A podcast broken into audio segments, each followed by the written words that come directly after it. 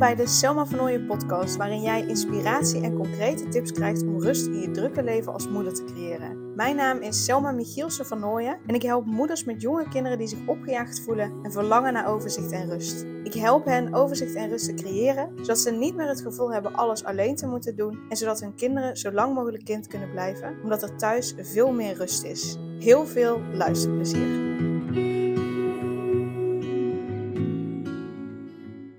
Goedenavond allemaal en welkom bij deze masterclass. Ik ben het waard. Ik ben super, super blij dat het nu eindelijk tijd is voor de masterclass. En ik ben super, super blij en dankbaar dat je erbij bent.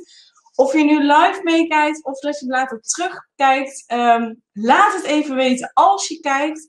Het uh, is voor mij super fijn om te weten wie er zijn, uh, hoeveel mensen er zijn, maar ook dat ik het gevoel heb dat ik ook echt uh, lekker, dat we samen in gesprek gaan. Vind ik in ieder geval heel erg fijn. Um, heel erg dankjewel dat je erbij bent. Um, en we gaan het dus hebben over uh, voelen dat je goed genoeg bent. Voelen dat je het waard bent. Wat ik vaak merk in gesprekken met coaches is dat ze toch het gevoel hebben dat ze het niet goed genoeg doen. Dat ze uh, van alles doen, maar dat ze eigenlijk toch nog wel meer moeten doen, omdat het niet goed genoeg is. Uh, en als ze dan een keer gaan zitten, uh, omdat ze moe zijn, dat ze zich dan schuldig voelen, omdat ze in die tijd dat ze even hadden gezeten ook nog van alles hadden kunnen doen. Dat levert dan een schuldgevoel op, soms ook een beetje schaamte. en ik vind dat super jammer. Dus vandaar dat ik deze masterclass uh, uh, geef. Uh, ik ben het waard en daarom ben ik super blij dat je meekijkt. Want ik hoop gewoon dat we, dat we voor je daarin iets kunnen veranderen. Um, wat gaan we vanavond doen? Sowieso wil ik eerst iets over mezelf vertellen. Dat je weet wie heb ik tegenover me. Maar ook omdat ik geloof dat mijn verhaal, maar ieders verhaal je inspireert en helpt om te gaan geloven dat het jou ook lukt om te geloven dat je het waard bent, maar ook om te zien van hè, uh, uh, zij heeft ook zich niet zo heel fijn gevoeld, uh, jij misschien op dit moment ook niet, maar dat je ook ziet dat het je echt wel lukt om het te gaan geloven. Dus ik deel mijn verhaal om je te inspireren, om je te motiveren, om je te laten zien dat het kan. en ook zodat je mij een beetje leert kennen, zodat je ook weet van oké, maar vanuit waar praat zij vertelt zij de dingen. Dus vandaar dat ik mijn verhaal wil delen. Uh, daarna ga ik je vertellen hoe komt het nou dat um, je, uh, um, als je gelooft dat je niet goed genoeg bent of als je gelooft dat je niet waard bent, hoe komt het dan? Want dat is wat je vooral ziet en dat, dat is wat je voelt. Dus ik ga een stukje uitleggen hoe werkt dat nou in je hersenen. En ik ga een, uh, we gaan een visualisatie doen. waarin je gaat ontdekken van oké, wat heb jij, uh, hoe ziet dat er voor jou uit? Hè? Voelen dat ik goed genoeg ben. Uh, want dat lijkt dan nog voor sommigen ook een vaag begrip. voelen dat ik het waard ben. Hoe ziet dat er voor jou uit? En vanuit daar, wat is jouw eerste um, stap of jouw eerste stappen daarin? Dus dat gaan we doen. En daarna ga ik je ook nog, uh, uh, kijk, de masterclass is waardevol. Je kunt daar zeker mee verder. Maar aan het eind ga ik je ook nog een aanbod doen, zodat je, nu zet je de eerste stappen, maar zodat ik ook zeker weet dat je er verder mee aan de slag gaat. Dus dan weet je dat ik aan het eind ook nog een aanbod ga doen van mijn Ik ben waardevol uh, traject. Dus laat nog even weten als je erbij bent. Ik heb um, de openbare chat staat uit. Uh, maar je kunt mij wel een privéchat sturen. Dat is meer omdat ik weet dat niet iedereen het fijn vindt als uh, de uh, namen getoond worden. Dus vandaar dat ik op privéchat heb gezet. Dus laat het even weten als je erbij bent. dan weet ik wie erbij zijn. Dan, dan weet ik dat. Dat is voor mij fijn. Ehm, en dan ga ik aan de slag. Ik heb er sheets bij. Ehm, en daar gaan we zo aan. Want eerst wil ik mezelf natuurlijk voorstellen dat je een beetje weet wie heb ik nou hier tegenover me zitten. Nou, ik ben Selma en ik ben dus eigenaar van coachingspraktijk uh, Van Nooien. En uh, ik ben natuurlijk wel meer dan alleen maar coachingspraktijk Van Nooien. Uh, ik woon ook samen met mijn vriend Daan, die zie je hier op de foto's. We zijn uh, inmiddels zes en half jaar samen. We wonen samen in de Reeshof. We hebben um, uh, oktober 2018 ons eerste huis gekocht. Um, Dus daar wonen we nu samen. Daarvoor hebben we ook al samen gewoond. Um, uh, we hebben zelf uh, geen kinderen. Ik hoop dat dat ooit wel mag komen. maar op dit moment zijn we nog lekker met z'n tweeën. Um, daarnaast heb ik dus coachingspraktijk voor Nooien. Ik zal er ook nog wel uiteindelijk wat meer over vertellen. Maar het belangrijkste wat ik doe is mensen die dus het, vooral vrouwen coach ik, die het gevoel hebben dat ze um, van alles moeten, maar dat het eigenlijk nooit genoeg is. Uh, vrouwen die het gevoel hebben dat ze uh, niet helemaal meer op een plek zitten op het werk. Dan ga ik van kijken, oké, hoe komt dat? En wat geloof je over jezelf? En hoe kunnen we ervoor zorgen dat je in eerste instantie gaat voelen dat je goed genoeg bent en dat je het waard bent. Zodat je vanuit daar verder kan. Want dat is de basis van wat je nodig hebt. Um, nou ja, dat doe ik. Ik heb een praktijkruimte aan huis. Dus ook bij Daan. Als er iemand bij mij in de praktijkruimte is, dan mag daar natuurlijk niet naar boven komen, maar die is soms wel thuis. Um, verder, um, ik heb coachpraktijkvernooien nu vier jaar inmiddels alweer. Daarnaast uh, help ik ook een jongen vanuit PGB, die begeleid ik uh, de ene week één dag, de andere week doe ik dat uh, twee dagen. Ja, twee dagdelen. Die begeleid ik ook nog, want dat vind ik super leuk. En ik zal je zo meteen ook een beetje mijn mijn verhaal vertellen en hoe dat ik hier ben gekomen. Ik heb oorspronkelijk pedagogiek gestudeerd. In 2011 ben ik afgestudeerd. en um, ik heb ook als ambulant begeleider gewerkt en op BSO gewerkt. Dus ik heb allerlei verschillende dingen gedaan. Maar daar ga ik je zo meteen ook nog wat meer over vertellen. Ik zie dat dames al hebben gereageerd.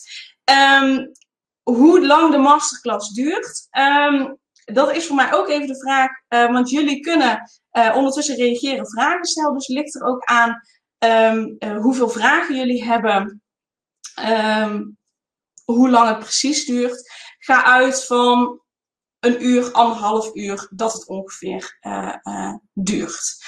mocht je eerder weggaan, je krijgt gewoon een opname ook nog die je tot en met zondag kunt bekijken. Dus dan kun je het eventueel ook nog terugkijken mocht je ergens naartoe gaan. Maar super tof dat jullie laten weten dat jullie erbij zijn. Want dan weet ik een beetje tegen wie ik praat.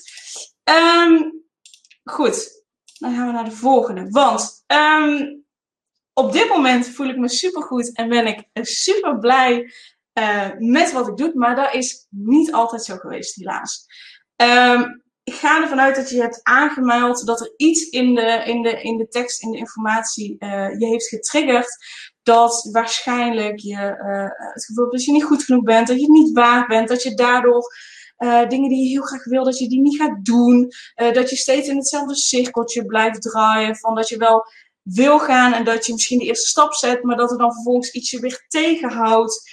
Um, dat soort dingen, weet dat ik daar ook heb gestaan. Het is bij mij niet van de een op de andere dag uh, geweest dat ik, dat ik me voel zoals ik me nu voel. Uh, daar heeft echt wel een periode aan vooraf gegaan. En daar zijn een aantal dingen echt wel aan vooraf gegaan. Uh, op de basisschool was ik een, een heel klein, timide, verlegen meisje. Uh, en ik ben nog wel introvert.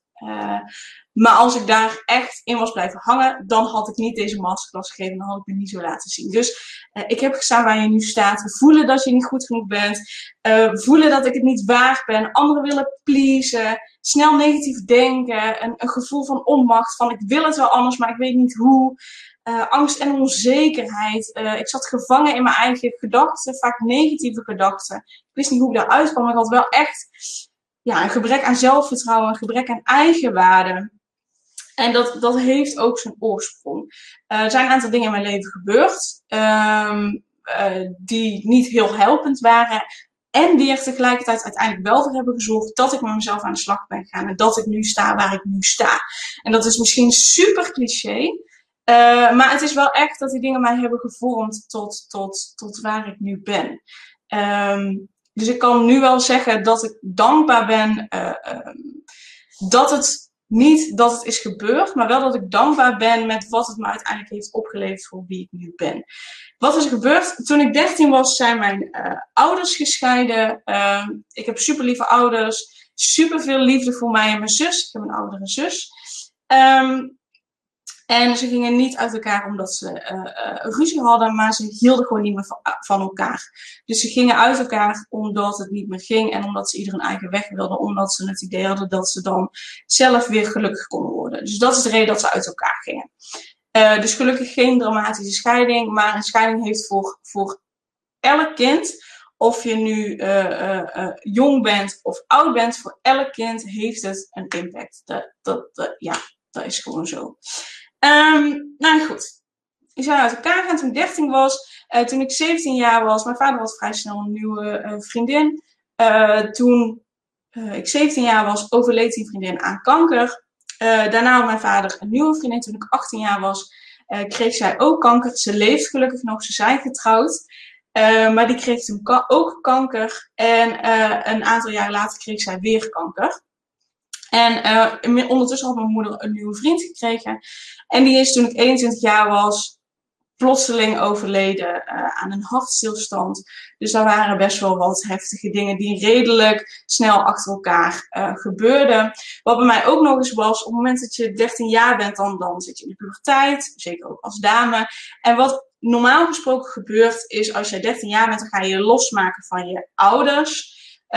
Want dat is nodig om je identiteit te vormen. Maar dat het is wel belangrijk dat dat gebeurt in een veilige omgeving, eh, waarin je je veilig voelt, waarin je een basis hebt, zodat je de wereld kunt gaan ontdekken.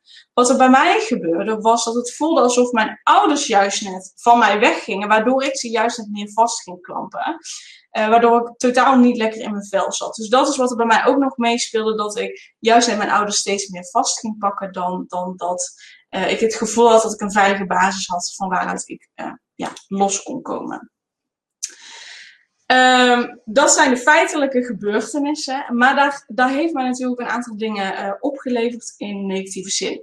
Uh, toen ik 15 jaar was, had ik uh, last, heel vaak last van een extreem klote gevoel, wat me dan ineens overviel. En ik had last van verlatingsangst. Als ik bij mijn vader was, dan, en mijn vader ging weg, dan voelde ik me super, super kloten. Als ik bij mijn moeder was en mijn moeder ging weg, dan voelde ik me dan super kloten. Dat had niet per se te maken met, een, met één ouder. Uh, maar ik had verlatingsangst en ik voelde me super, super kloten. Uh, in die tijd was er een reclame van de kuppensoep met uh, Ruben van der Meer, die kale man. met, ik weet niet meer precies hoe dat ging, maar wat hij altijd zei was, kom maar, kom maar, kom maar, kom maar. Um, wat ik dus mer waarom ik dit vertel, wat ik merkte was dat dat klote gevoel, ik ging daar tegen vechten. Ik wilde dat niet voelen. Ik ging me er tegen verzetten. Ik vond het maar stom dat ik dat voelde. Dus ik verzette mij er tegen, waardoor het alleen maar erger werd en waardoor het alleen maar meer werd. Op de een of andere manier ontdekte ik dat het me hielp als ik daar niet tegen vechtte. Dus wat deed ik? Uh, naar aanleiding van die reclame, iedere keer als ik dat gevoel had, dan ging ik zitten en dacht: oké, Kom maar, kom maar, kom maar, kom maar. Dacht ja, kom maar. Het is zo meteen voorbij. Klaar. En ik merkte dat dat dus hielp en dat het minder werd. Maar goed, uh, ik, had daar, ik heb daar wel anderhalf jaar last van gehad. Uh, uiteindelijk dacht ik van, oké, misschien moet ik aan mijn ouders vertellen dat het eigenlijk helemaal niet zo goed ging. Dus dat heb ik verteld.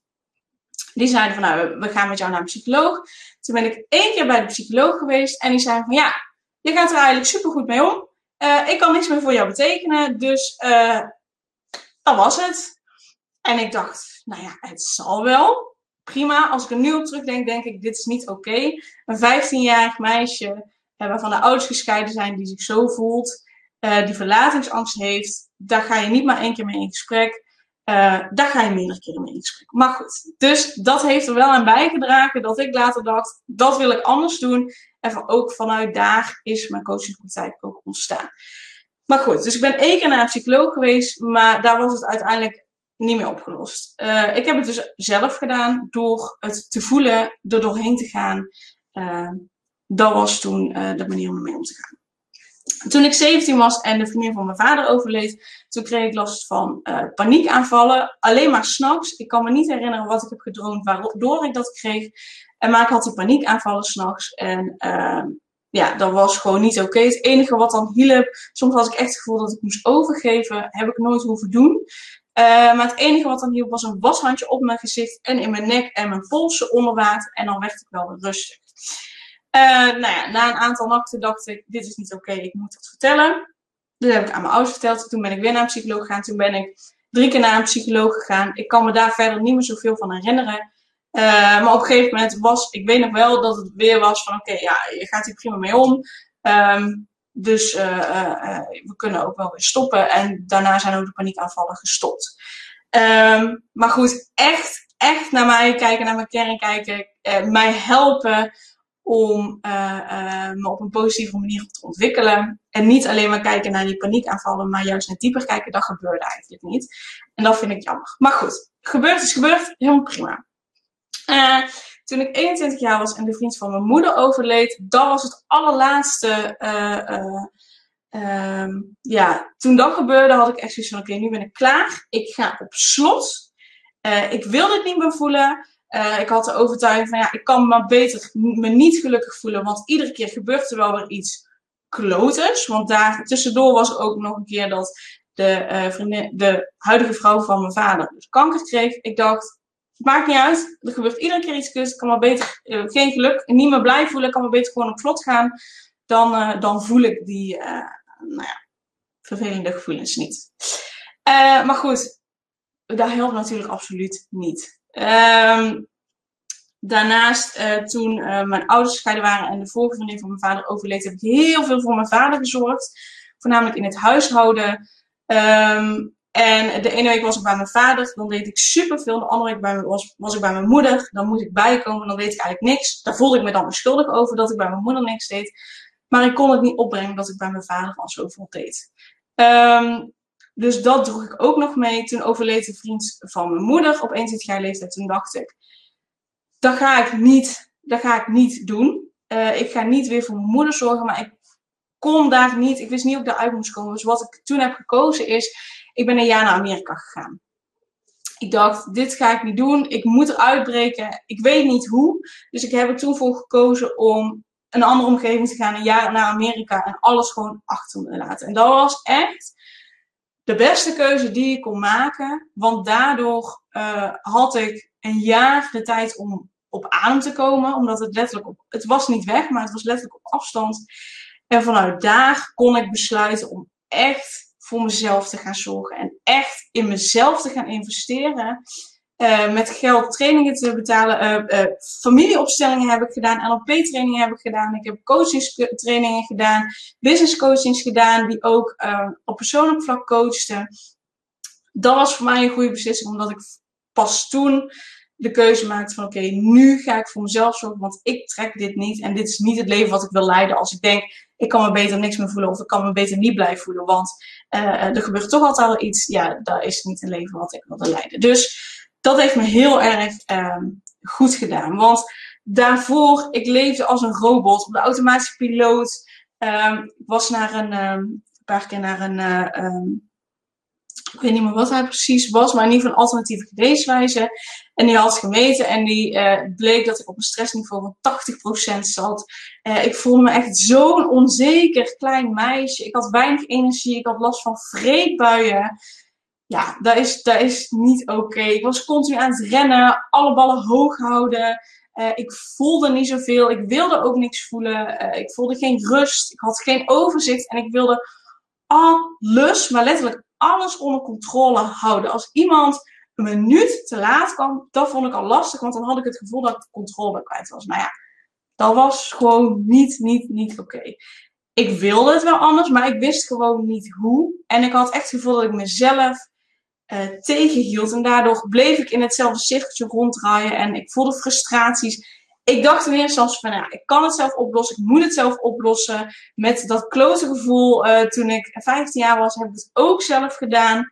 Um, ja, dat moet nu ook kunnen. Maar goed, dat lukte niet. Want ik wist niet hoe ik bij mezelf kon komen. Hoe ik dat echt kon doen, dat wist ik niet. Um, en ik geloofde ook dat het super, super duur zou zijn als ik in mezelf zou investeren. Uh, en dat ik het dus ook niet waard was om in mezelf te investeren. Maar dus ja, naar Amerika gaan. Daar heb ik een jaar als au pair gewerkt. Dus ik verdiende daar geld. Dus dat was voor mij oké, want dan hoefde ik geen geld in mezelf te investeren. En dat heeft wel gemaakt dat ik dacht, oké, nu gaan we het gewoon anders doen. Um, dus toen ben ik naar Amerika gegaan en toen besloot ik, ik ga het anders doen. Uh, ik ga kijken wat ik wil. Een vriendin van mij nam mij toen mee naar een uh, NLP uh, eendaagse training, neurolinguistisch programmeren. En toen dacht ik echt, dit is zo super interessant. Je kunt het beste op internet opzoeken wat het is, want het is van alles bij elkaar. Maar het, is psychologie, het is persoonlijke ontwikkeling, het, is, het gaat over communicatie. Ik vond het zo super interessant dat ik dacht, dit ga ik doen. Dus in 2015, toen ik 25 was, um, ben ik de NLP Practitioner gaan doen. En toen merkte ik ook pas hoe ver ik eigenlijk bij mezelf vandaan uh, uh, stond, was. En toen ben ik begonnen met uh, laagje voor laagje dingetjes, al mijn beschermlagen afpellen om te ontdekken van oké, wie ben ik nou? En daarna heb ik de NLP Practitioner ook gedaan om daarin verder te gaan. Wie ben ik nou? wat wil ik nou? Waar word ik blij van?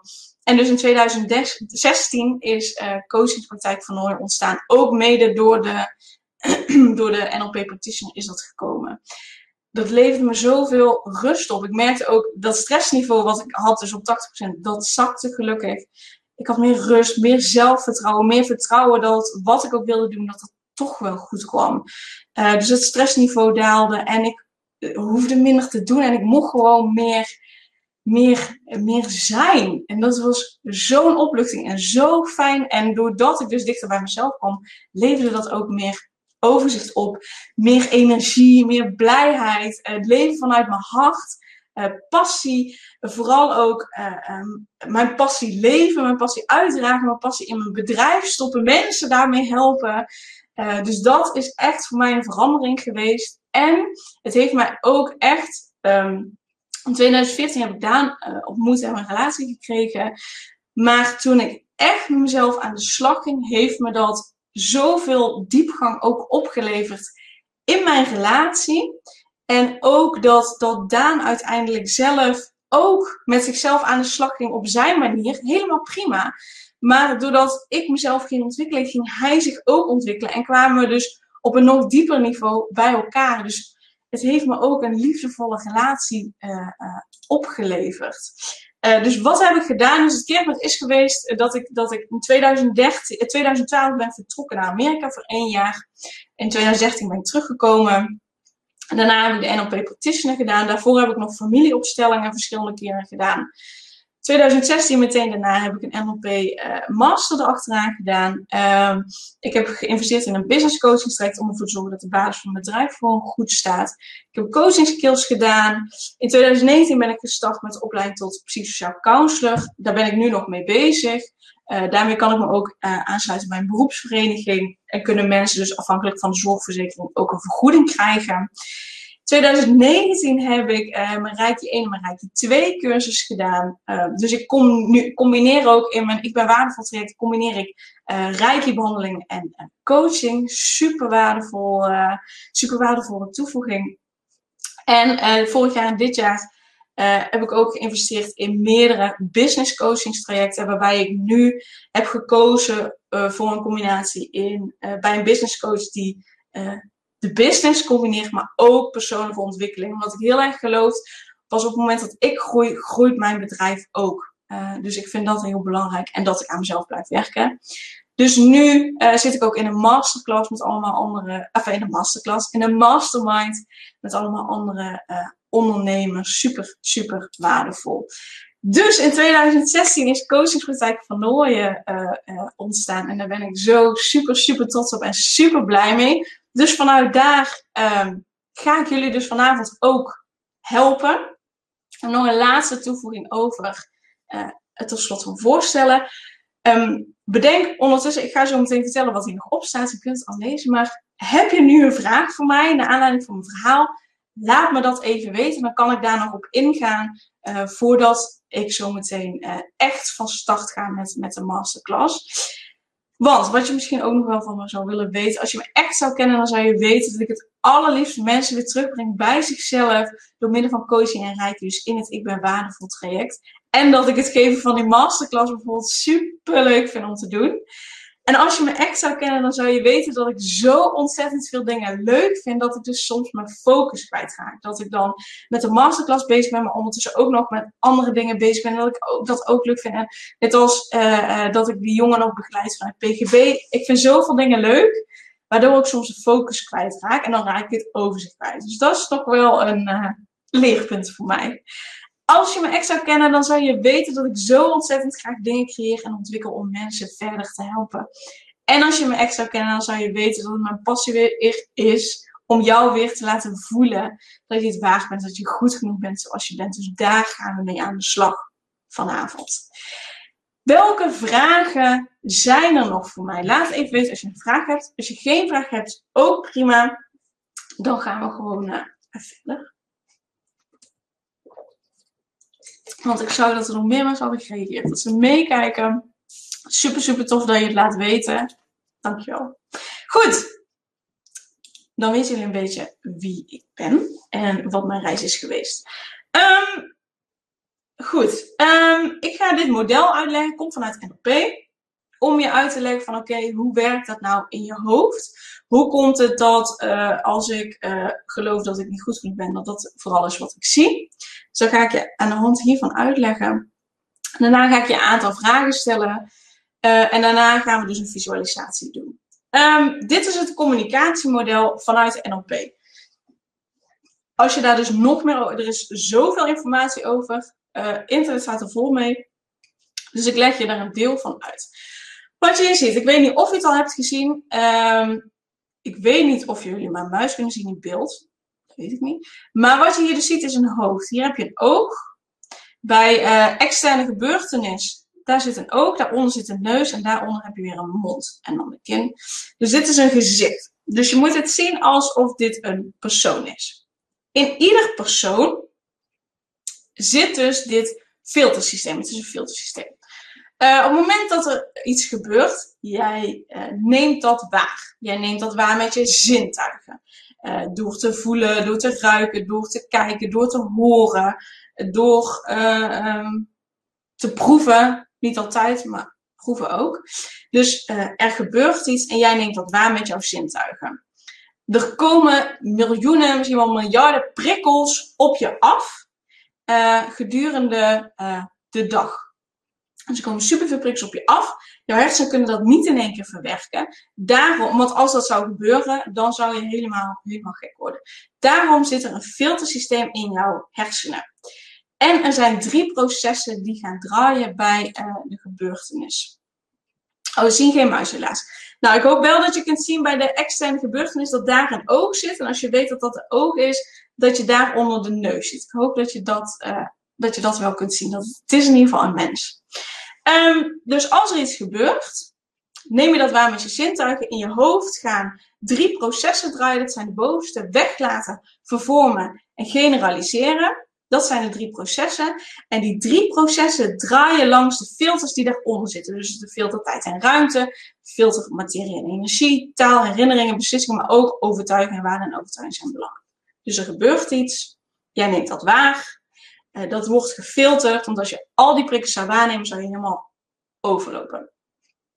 Dat wordt gefilterd. Uh, vanuit die filter, vanuit uh, dat proces van filteren, komt er een interne representatie. Dus dat is een beeld wat jij dan maakt. Het kan een beeld zijn wat je bewust ziet, maar dat kan ook een onbewust beeld zijn. Vanuit daar komen er ook gedachten en gevoelens naar boven. Dat beïnvloedt dus jouw stemming. Dat beïnvloedt jouw fysiologie, jouw houding en vanuit daar laat je een bepaald gedrag zien. Um, ik ga eerst het model uitleggen. Als je daarna vragen hebt, stuur die dan, dan beantwoord ik ze daarna. Um, dus, um, er gebeurt iets. Jij neemt het waar. Er gaan drie processen draaien. Die processen lopen langs die filters. Jij maakt er een beeld van. Daar komt jouw gevoel vanuit. Dus eerst komt het, de gedachte, dan komt jouw gevoel. Daar komt je houding vanuit. En vanuit daar laat je gedrag zien. Jouw gedrag is voor een andere persoon een externe gebeurtenis. Dan neemt die persoon weer waar. Die gaat dat filteren. En dan komt hetzelfde er weer uit. Uh, je kunt ook, wat je ziet bij fysiologie, uh, zie je ook pijlen omhoog. Met je fysiologie, met je houding kun je ook invloed hebben op je stemming en het beeld. Niet op de filters, maar wel op jouw stemming en het beeld dat je hebt. Als ik zo zit, voorovergebogen, dan ga, krijg ik een andere stemming dan dat ik naar achteren zit en omhoog zit. Dus daarmee kun je het ook beïnvloeden. Goed, als je kijkt naar die drie processen, die zal ik eerst uh, kort toelichten. Je hebt dus het proces van weglaten. Um, bijvoorbeeld, um, als jij uh, nu, uh, normaal gesproken, als jij naar je werk toe gaat, pak je waarschijnlijk altijd dezelfde weg. Of als je bij iemand op visite gaat waar je vaak komt, pak je vaak dezelfde weg. dan zit je op de fiets of je zit in de auto en op een gegeven moment denk je, oh, ben ik al hier? Jouw hersenen hebben dus een heel stuk van de informatie weggelaten, omdat ze die informatie niet nodig hebben, omdat ze het al zo vaak hebben gedaan gebeurt dat automatisch. Dus laat ze die informatie weg. Wat jouw hersenen namelijk willen doen, is ervoor zorgen dat ze zo min mogelijk energie verbruiken, zodat ze zoveel mogelijk energie over hebben. Dus ze willen zo, zo uh, min mogelijk energie gebruiken, dus het zo uh, gemakkelijk uh, indelen. Dus ze laten best wel veel van die route weg. Dat is het proces van weglaten. Um, je hebt ook het proces van vervormen. En dat is bijvoorbeeld ik ben bang voor spinnen. Ik geloof dus dat spinnen hele, hele vieze beesten zijn. Um, dus dat ze eng zijn en vies zijn. Dus als er hier in huis een spin zit, dan wil ik natuurlijk dat daar niet weggaat.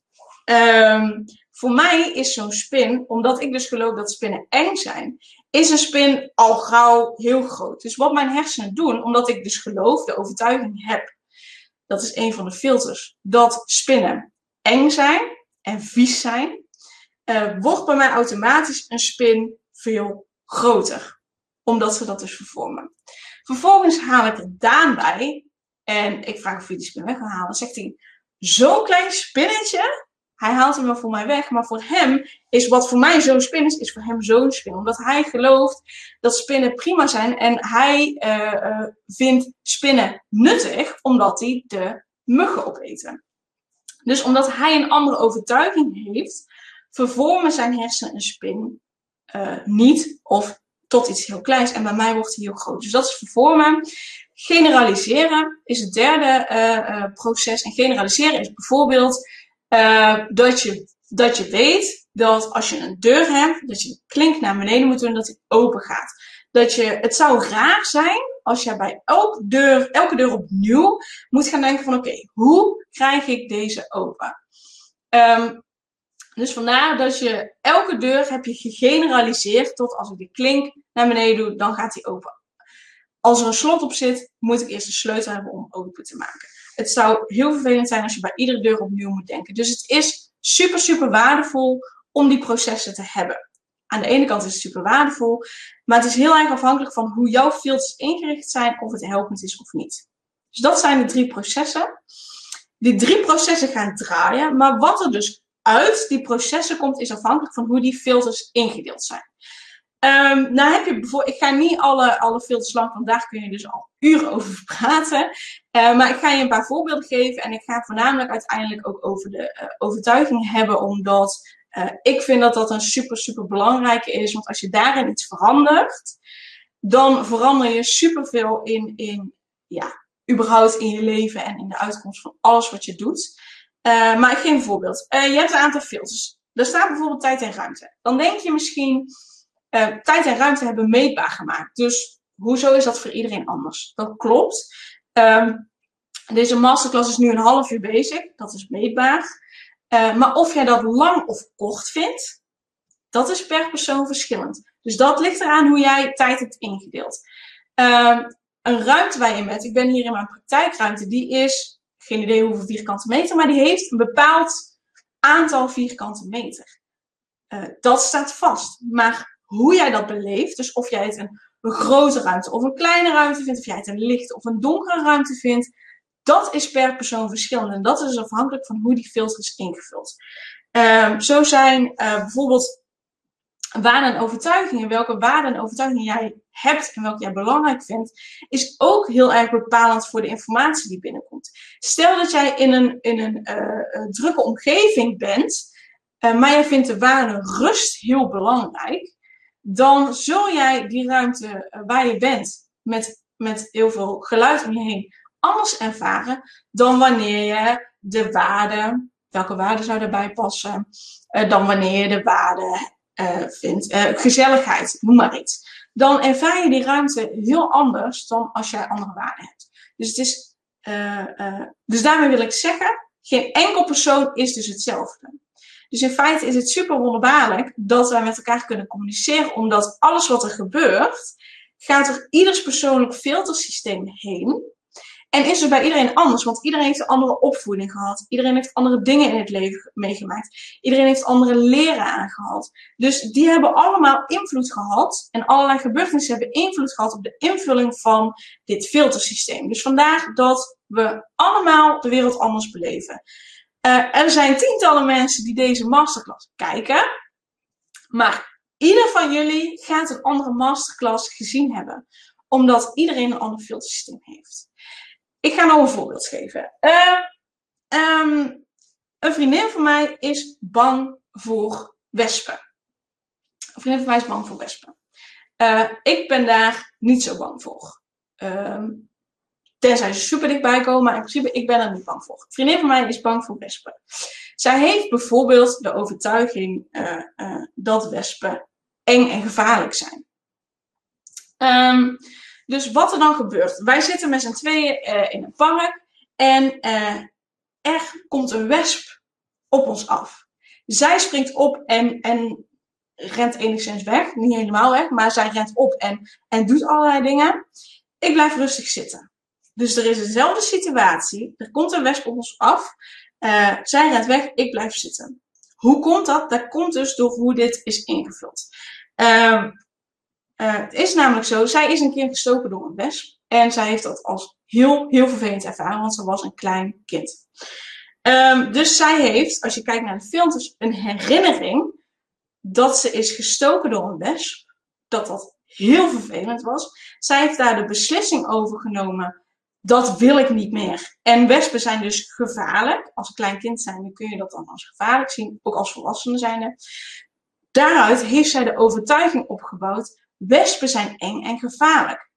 Dus op het moment dat er een wesp op haar afkomt, gaat dat door haar filtersysteem heen. Die komt uit bij, hey, wespen zijn eng en gevaarlijk. Daar krijgt zij een beeld van, misschien wel onbewust het beeld van toen zij klein was, van uh, die wesp die haar heeft gestoken. Haar stemming wordt van, oh, ik moet vluchten, ik moet vluchten, want er is gevaar. En zij rent weg.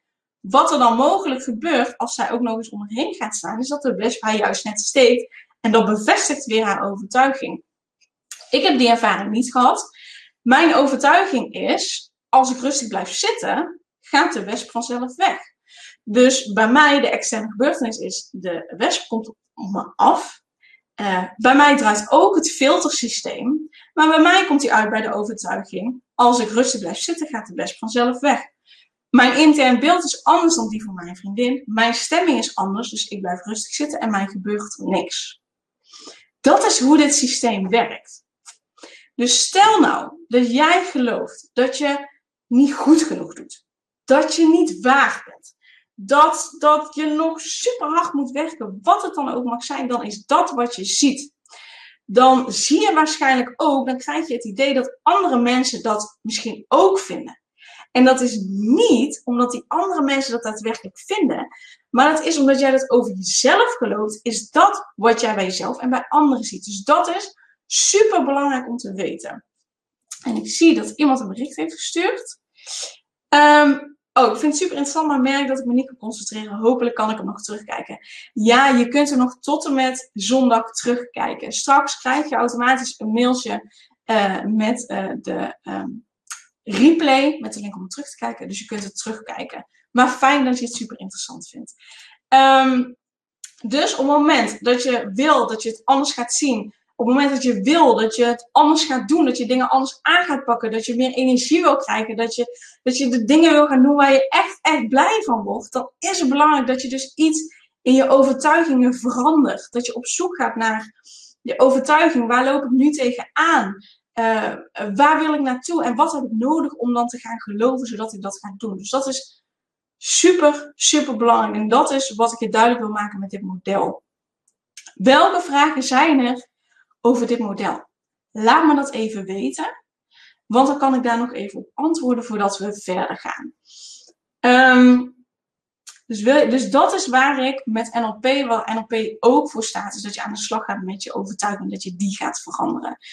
Dus vandaar dat dat voor mij zo'n uh, uh, verandering is geweest. En vandaar dat dat zo'n belangrijk onderdeel is in, in alles wat ik doe, maar ook in, in het dus ik ben waardevol traject waar ik dus aan het eind een aanbod voor ga doen.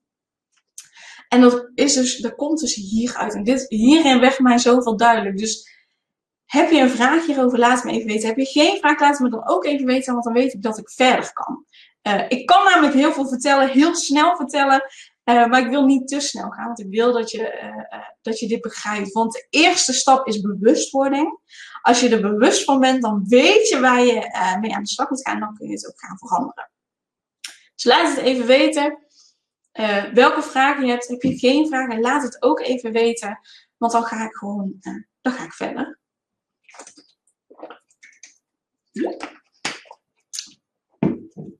En mocht je hem terugkijken, kun je ook nog die vragen stellen. Dat is helemaal prima, dan kan ik daar nog antwoord op geven. Dan ga ik ondertussen alles verder.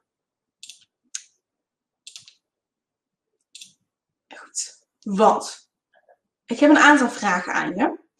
Um, en ik wil je vragen om die in de chat wel te beantwoorden. Omdat op het moment dat je er actief mee aan de slag gaat, dus het daadwerkelijk gaat doen, dan zet je de eerste stappen al. Kijk, het is natuurlijk super interessant om de masterclass te volgen. Um, um, mogelijk heb je al veel dingen gelezen, veel dingen gekeken, geluisterd, uh, veel kennis tot je genomen, maar het is ook belangrijk dat je er iets mee gaat doen.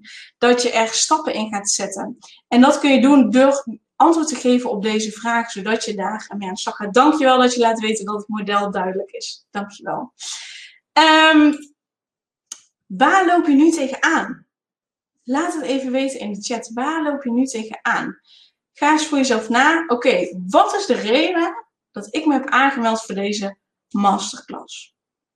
En kijk je hem terug, laat het ook even weten. Typ het mee, want ga er nu mee aan de slag. Nu is het moment om die eerste stap te gaan zetten. En nu is het moment om uit de cirkel waar je waarschijnlijk in zit, eruit te stappen. Door het op papier te gaan zetten. Wat ik heel vaak hoor van mensen, maar ook bij mezelf. Op het moment dat ik, uh, ik schrijf heel veel. Op het moment dat ik ga schrijven, uh, dan helpt me dat ook alvast een stukje om het uh, te helen. Maar ook helpt het me om meer duidelijkheid te krijgen van oké, wat is het nou waar ik tegenaan loop? Ik voel me op een bepaalde manier. Wat is het waar ik tegenaan loop? Uh, heel helder, vriendelijke mails binnenkomen, dus ik ga hem terugkijken. Helemaal goed. Dankjewel. Fijne avond. Um, waar loop je nu tegenaan? Uh, welk gevoel heb je? Met welke reden heb je aangemeld voor deze masterclass? Laat het even weten. Geef antwoord op die vragen, dat helpt. Want als je weet waar je tegenaan loopt, kun je ook gaan kijken van oké, waar, waar verlang ik nu naar? Jouw verhaal is herkenbaar bij mij alleen in mijn jonge jeugdjeugd, vijf tot zes jaar. Ja, en dan ben je nog jonger. Dan had ik misschien nog het geluk dat ik, dat ik een tiener was, dus dat ik al wat meer zelf kon doen. Um, maar als je nog jonger bent, dan, dan ben je nog meer overgeleverd aan andere mensen. Dus dat kan nog uh, lastiger zijn. Zit er zo vastgehoest als patroon al veel gedaan. Goed dat je al veel hebt gedaan. Schrijven past helaas niet bij mij. Het is belangrijk dat je kijkt ook naar wat wel bij je past.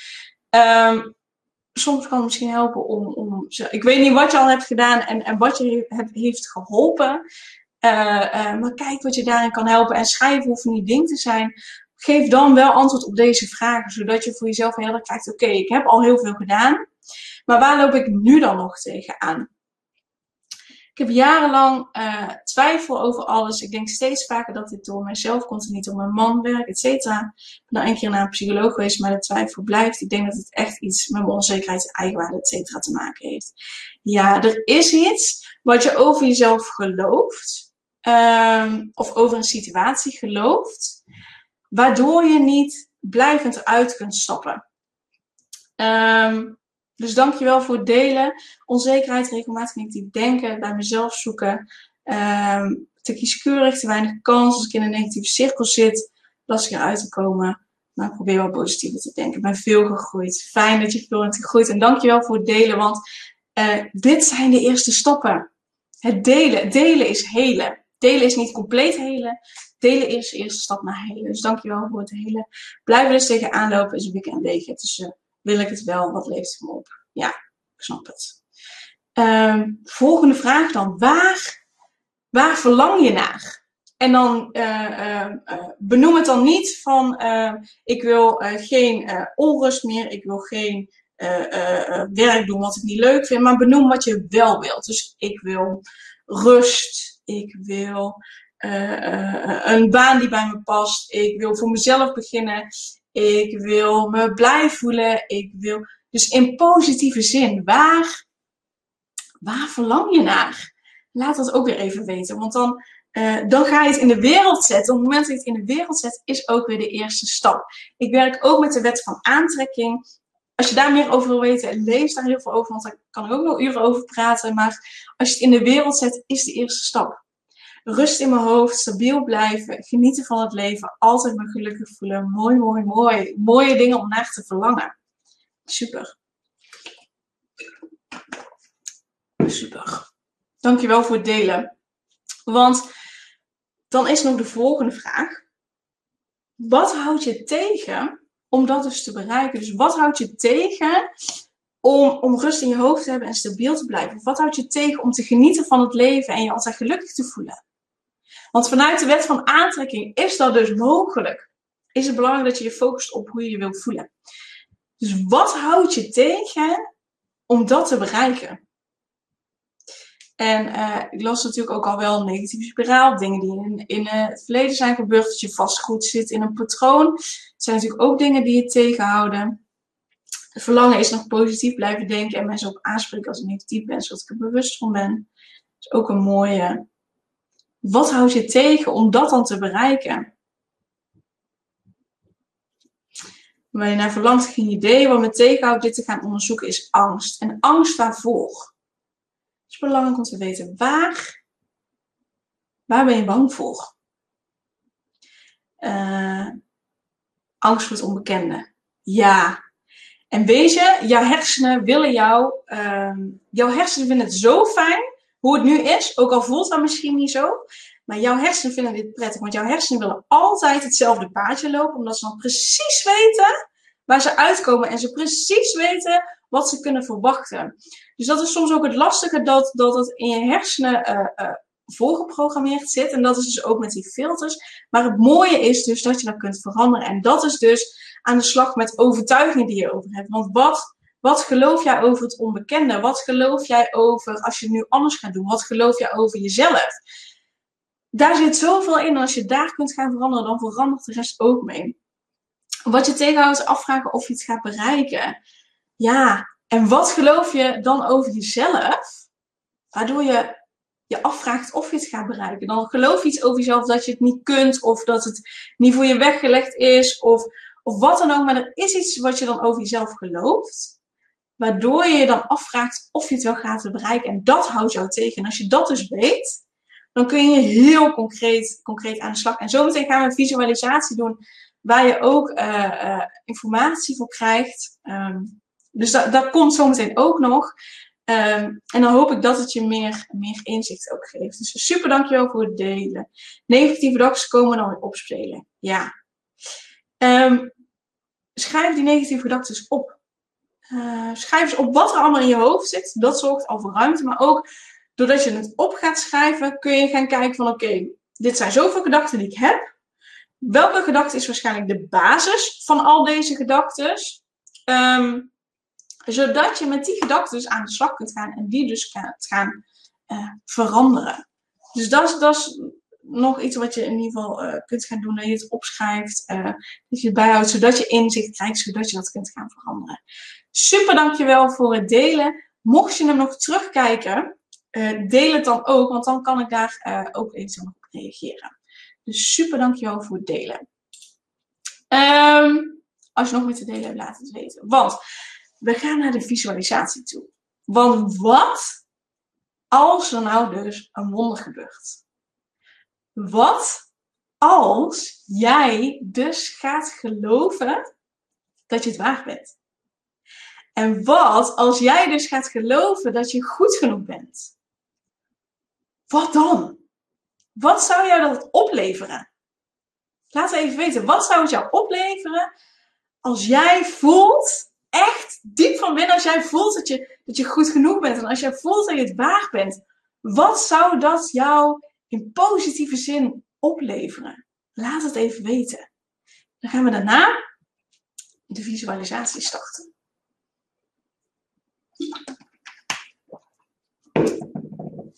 Dus wat levert het je op? Wat het mij dus heeft opgeleverd is, is energie, is rust, uh, overzicht, vertrouwen. Vertrouwen in mezelf, maar ook vertrouwen dat het met mijn bedrijf goed gaat. Vertrouwen dat het in mijn relatie goed gaat. Vertrouwen dat ik alles wat ik wil, dat ik dat kan bereiken. Um, wat heeft nog meer opgeleverd? Vooral heel veel rust. Doordat ik ben gaan geloven dat ik het waard ben, dat ik, dat, het, dat ik goed genoeg ben, levert me dan vooral zoveel rust op. En ik hoef niet meer van alles te doen, wat me heel veel stress oplevert, maar ik mag gewoon zijn en ik mag. En net als vandaag, vanmiddag heb ik niks gedaan. Normaal zou ik denken, nee, ik heb het nog niet goed genoeg uh, gedaan en ik moet uh, mijn huis schoonmaken en ik moet nog administratie doen voor mijn bedrijf en ik moet nog van alles. Nee, nu ik geloof dat ik goed genoeg ben en dat het goed is en dat ik het waard ben, heb ik heerlijk op de bank gelegen, een boekje gelezen en had ik rust. Dus dat is een groot verschil. Geluk, lekker in je vel zitten, positiviteit zijn kleine dingen die ik doe. Accepteren zoals ik ben. Met name rust in mijn hoofd en meer in connectie met mijn gevoel. Wauw. Dan, dat is dan toch wat je wil. Ja, dankjewel voor het delen. Um, ik wil naar de visualisatie uh, toe gaan. Heel herkenbaar. Voorheen kon ik niet alleen zijn, niets doen hebben. En nu heerlijk aan als je alleen. Dan ben je echt al zoveel vooruit gegaan. Voor mij voelt dat echt als een hele overwinning dat ik dat kan. Vanuit daar groeien als persoon en zelfvertrouwen. Wauw, mooi. Ja, goed. Ik wil naar de visualisatie toe gaan. Ik weet niet of jullie allemaal wel eens een visualisatie hebben gedaan. Um, het enige wat je hoeft te doen, zorg dat je uh, op een plek zit waar je niet gestoord wordt. Zorg dat je ontspannen kunt gaan zitten. Zorg dat je mij ook goed kunt horen. Uh, ik ga zo meteen mezelf even uit het beeld halen en ik ga een plaatje erop zetten, zodat je ook niet afgeleid wordt door mij. Het enige wat je hoeft te doen is ontspannen te gaan zitten, lekker je ogen dicht te doen, naar mij te luisteren. Uh, ik ga je meenemen. Het is een korte visualisatie. Duurt een paar minuutjes. Um, maar het gaat je wel heel veel uh, opleveren. Dus ga lekker ontspannen zitten. Ik ga het plaatje opzetten. Zorg dat je niet gestoord wordt. En dan uh, gaan we aan de slag. Dan ga ik naar de volgende slide. Haal ik mezelf even weg. En dan zorg dat je lekker ontspannen zit. En misschien vind je het nog fijn om even voor je uit te staren. Misschien vind je het al fijn om je ogen al te sluiten. Wat voor jou goed voelt. Wiebel anders nog even op je stoel, zodat je nog beter kunt gaan zitten. Zet je voeten op de grond. En als je zover bent, sluit dan je ogen. Op het moment dat je je ogen sluit, dan schakel je al een zintuig uit. En dan kun je beter bij jezelf naar binnen gaan. Je zit zo gewoon en toch ook weer niet. Voel je billen op de stoel of op de bank. je rug tegen de leuning.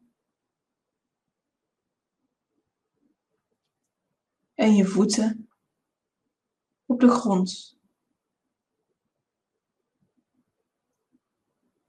De aarde draagt je. En je ademt vanzelf in jouw tempo in en uit. En dat is goed.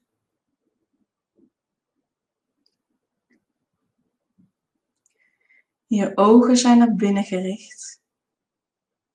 En je mag ze sluiten als je dat nog niet had gedaan.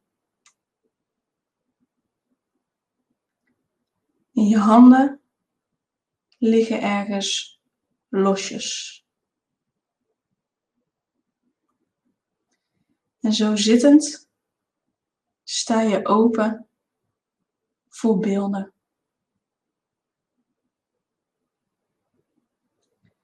En zo zittend sta je open voor de vragen die ik je ga stellen.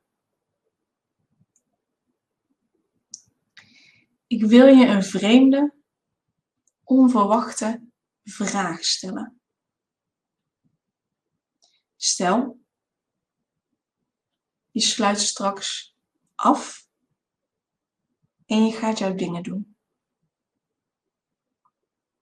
vanavond ga je lekker naar bed en je valt in een ontspannen slaap.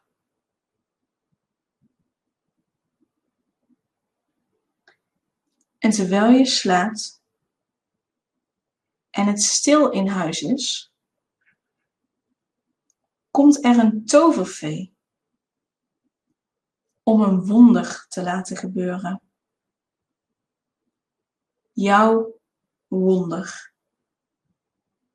Zonder dat je dit weet.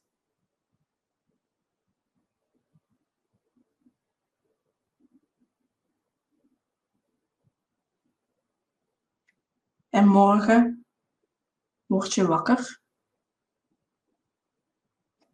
En je hebt geen besef dat het wonder heeft plaatsgevonden. Je weet het niet, maar er zijn wel wat dingen anders. Beantwoord deze vragen voor jezelf. Wat zal er anders zijn waaraan jij kunt zien dat er een wonder is gebeurd.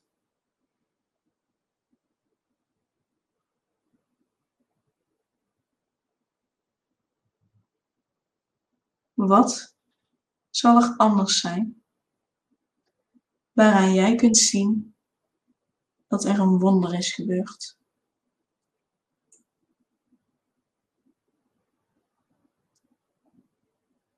Hoe ziet dat wonder er dan uit?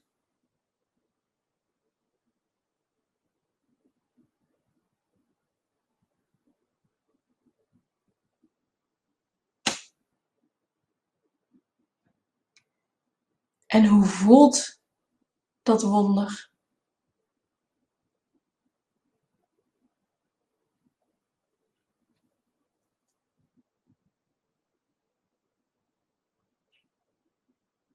Waaraan merk je dat het wonder is gebeurd?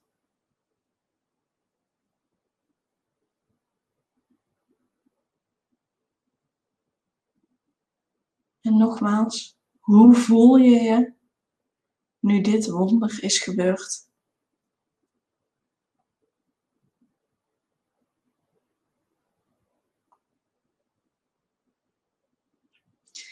Terwijl je dit allemaal aanschouwt,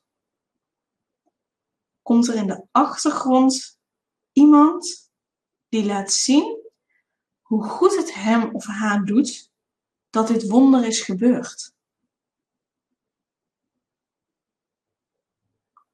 Wat betekent dit voor jou en jouw wonder?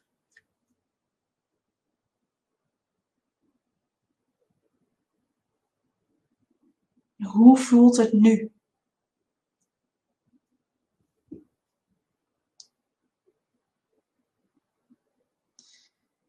En wat doe je nu dit wonder is gebeurd?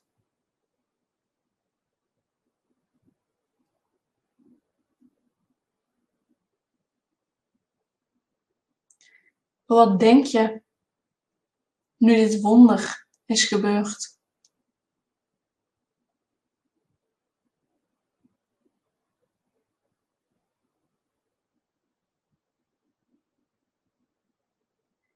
En wat zeg jij tegen jezelf nu dit wonder is gebeurd?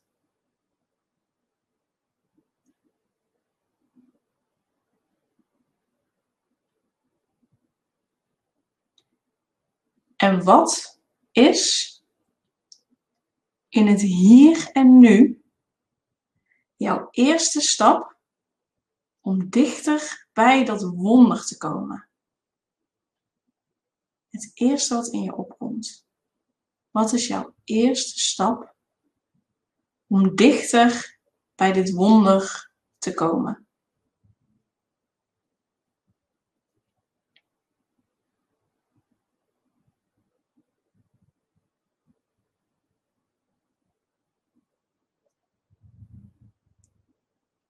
En het gevoel wat dit wonder bij je opwekt, neem dat nog even helemaal in je op. Dat positieve gevoel. Voel wat je voelt. En maak dat groter. Als het positief is, maak het groter. En voel dat in je hele lijf.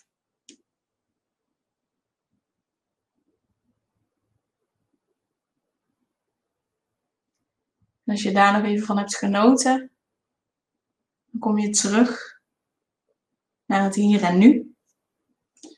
En dan beweeg je je billen, de stoel of de bank.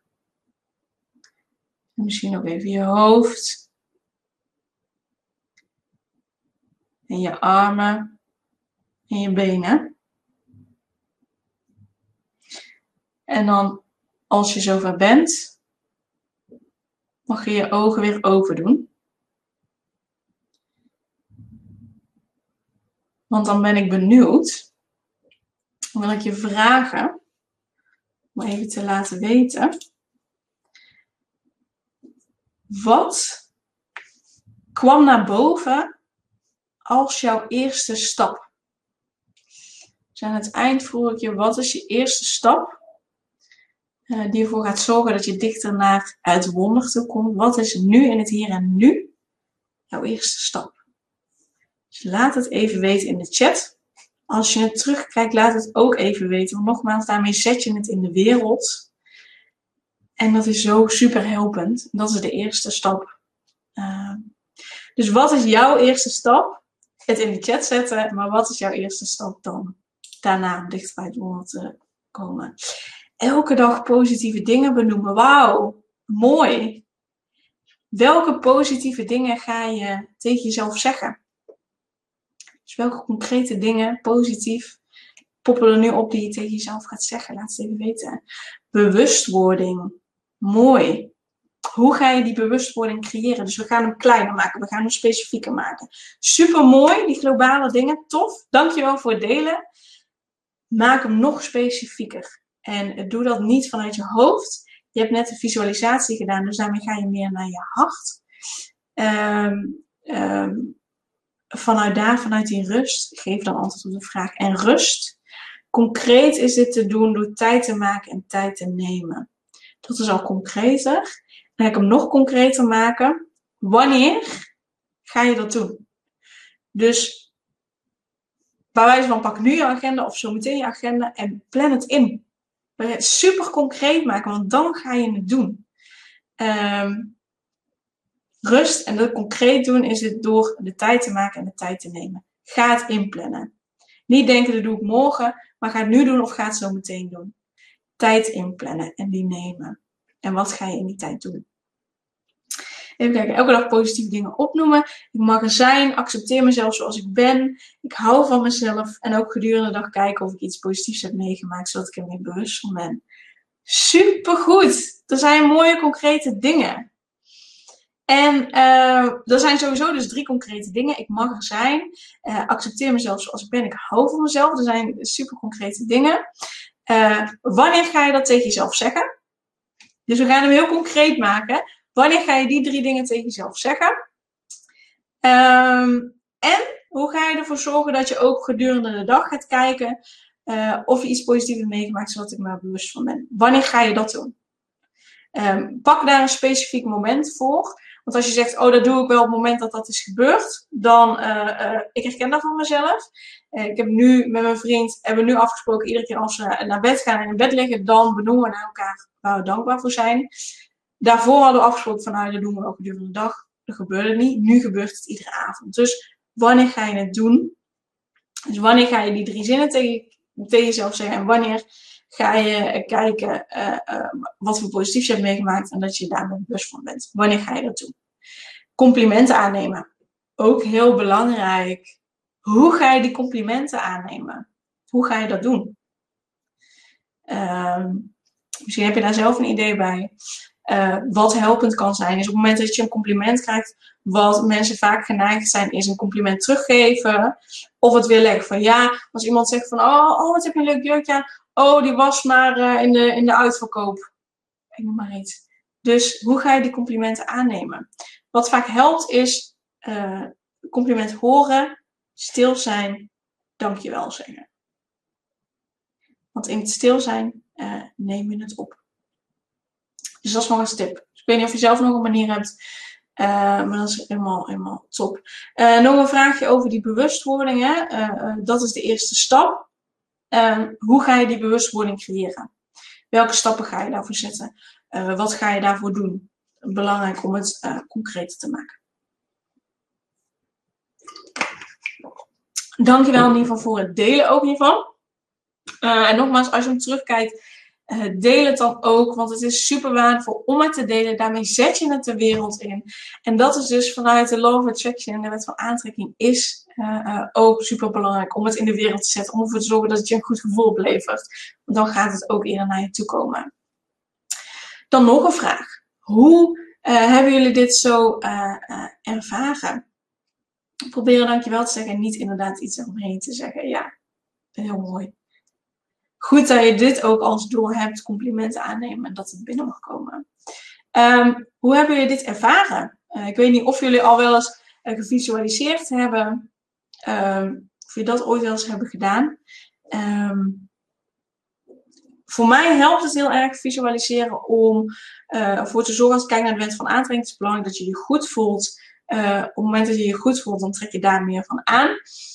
Mij helpt visualiseren heel erg om dichter bij mezelf te komen.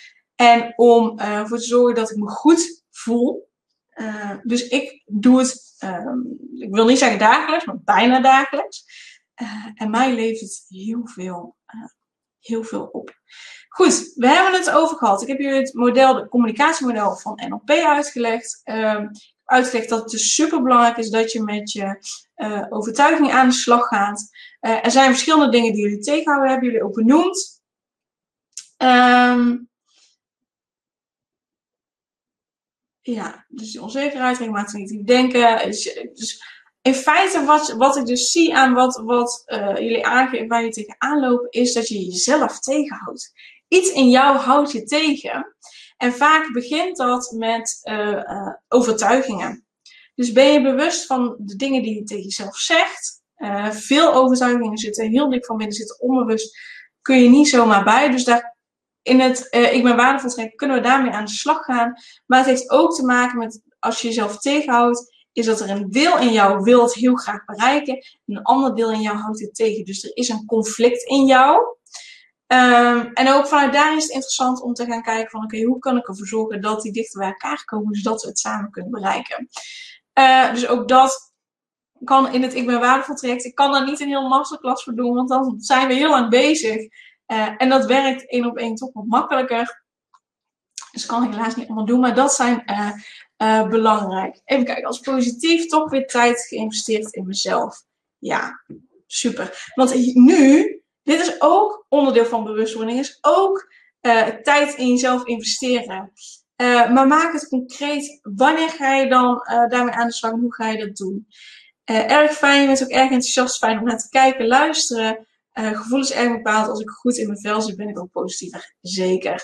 en daardoor trek je nog meer positieve gevoelens aan. Maar soms ja, ik uh, voel me heel goed, maar er zijn nog steeds momenten dat ik twijfel of dat ik me niet fijn voel. En dan is het voor mij heel belangrijk dat ik er ook voor kan zorgen dat ik dat om kan draaien.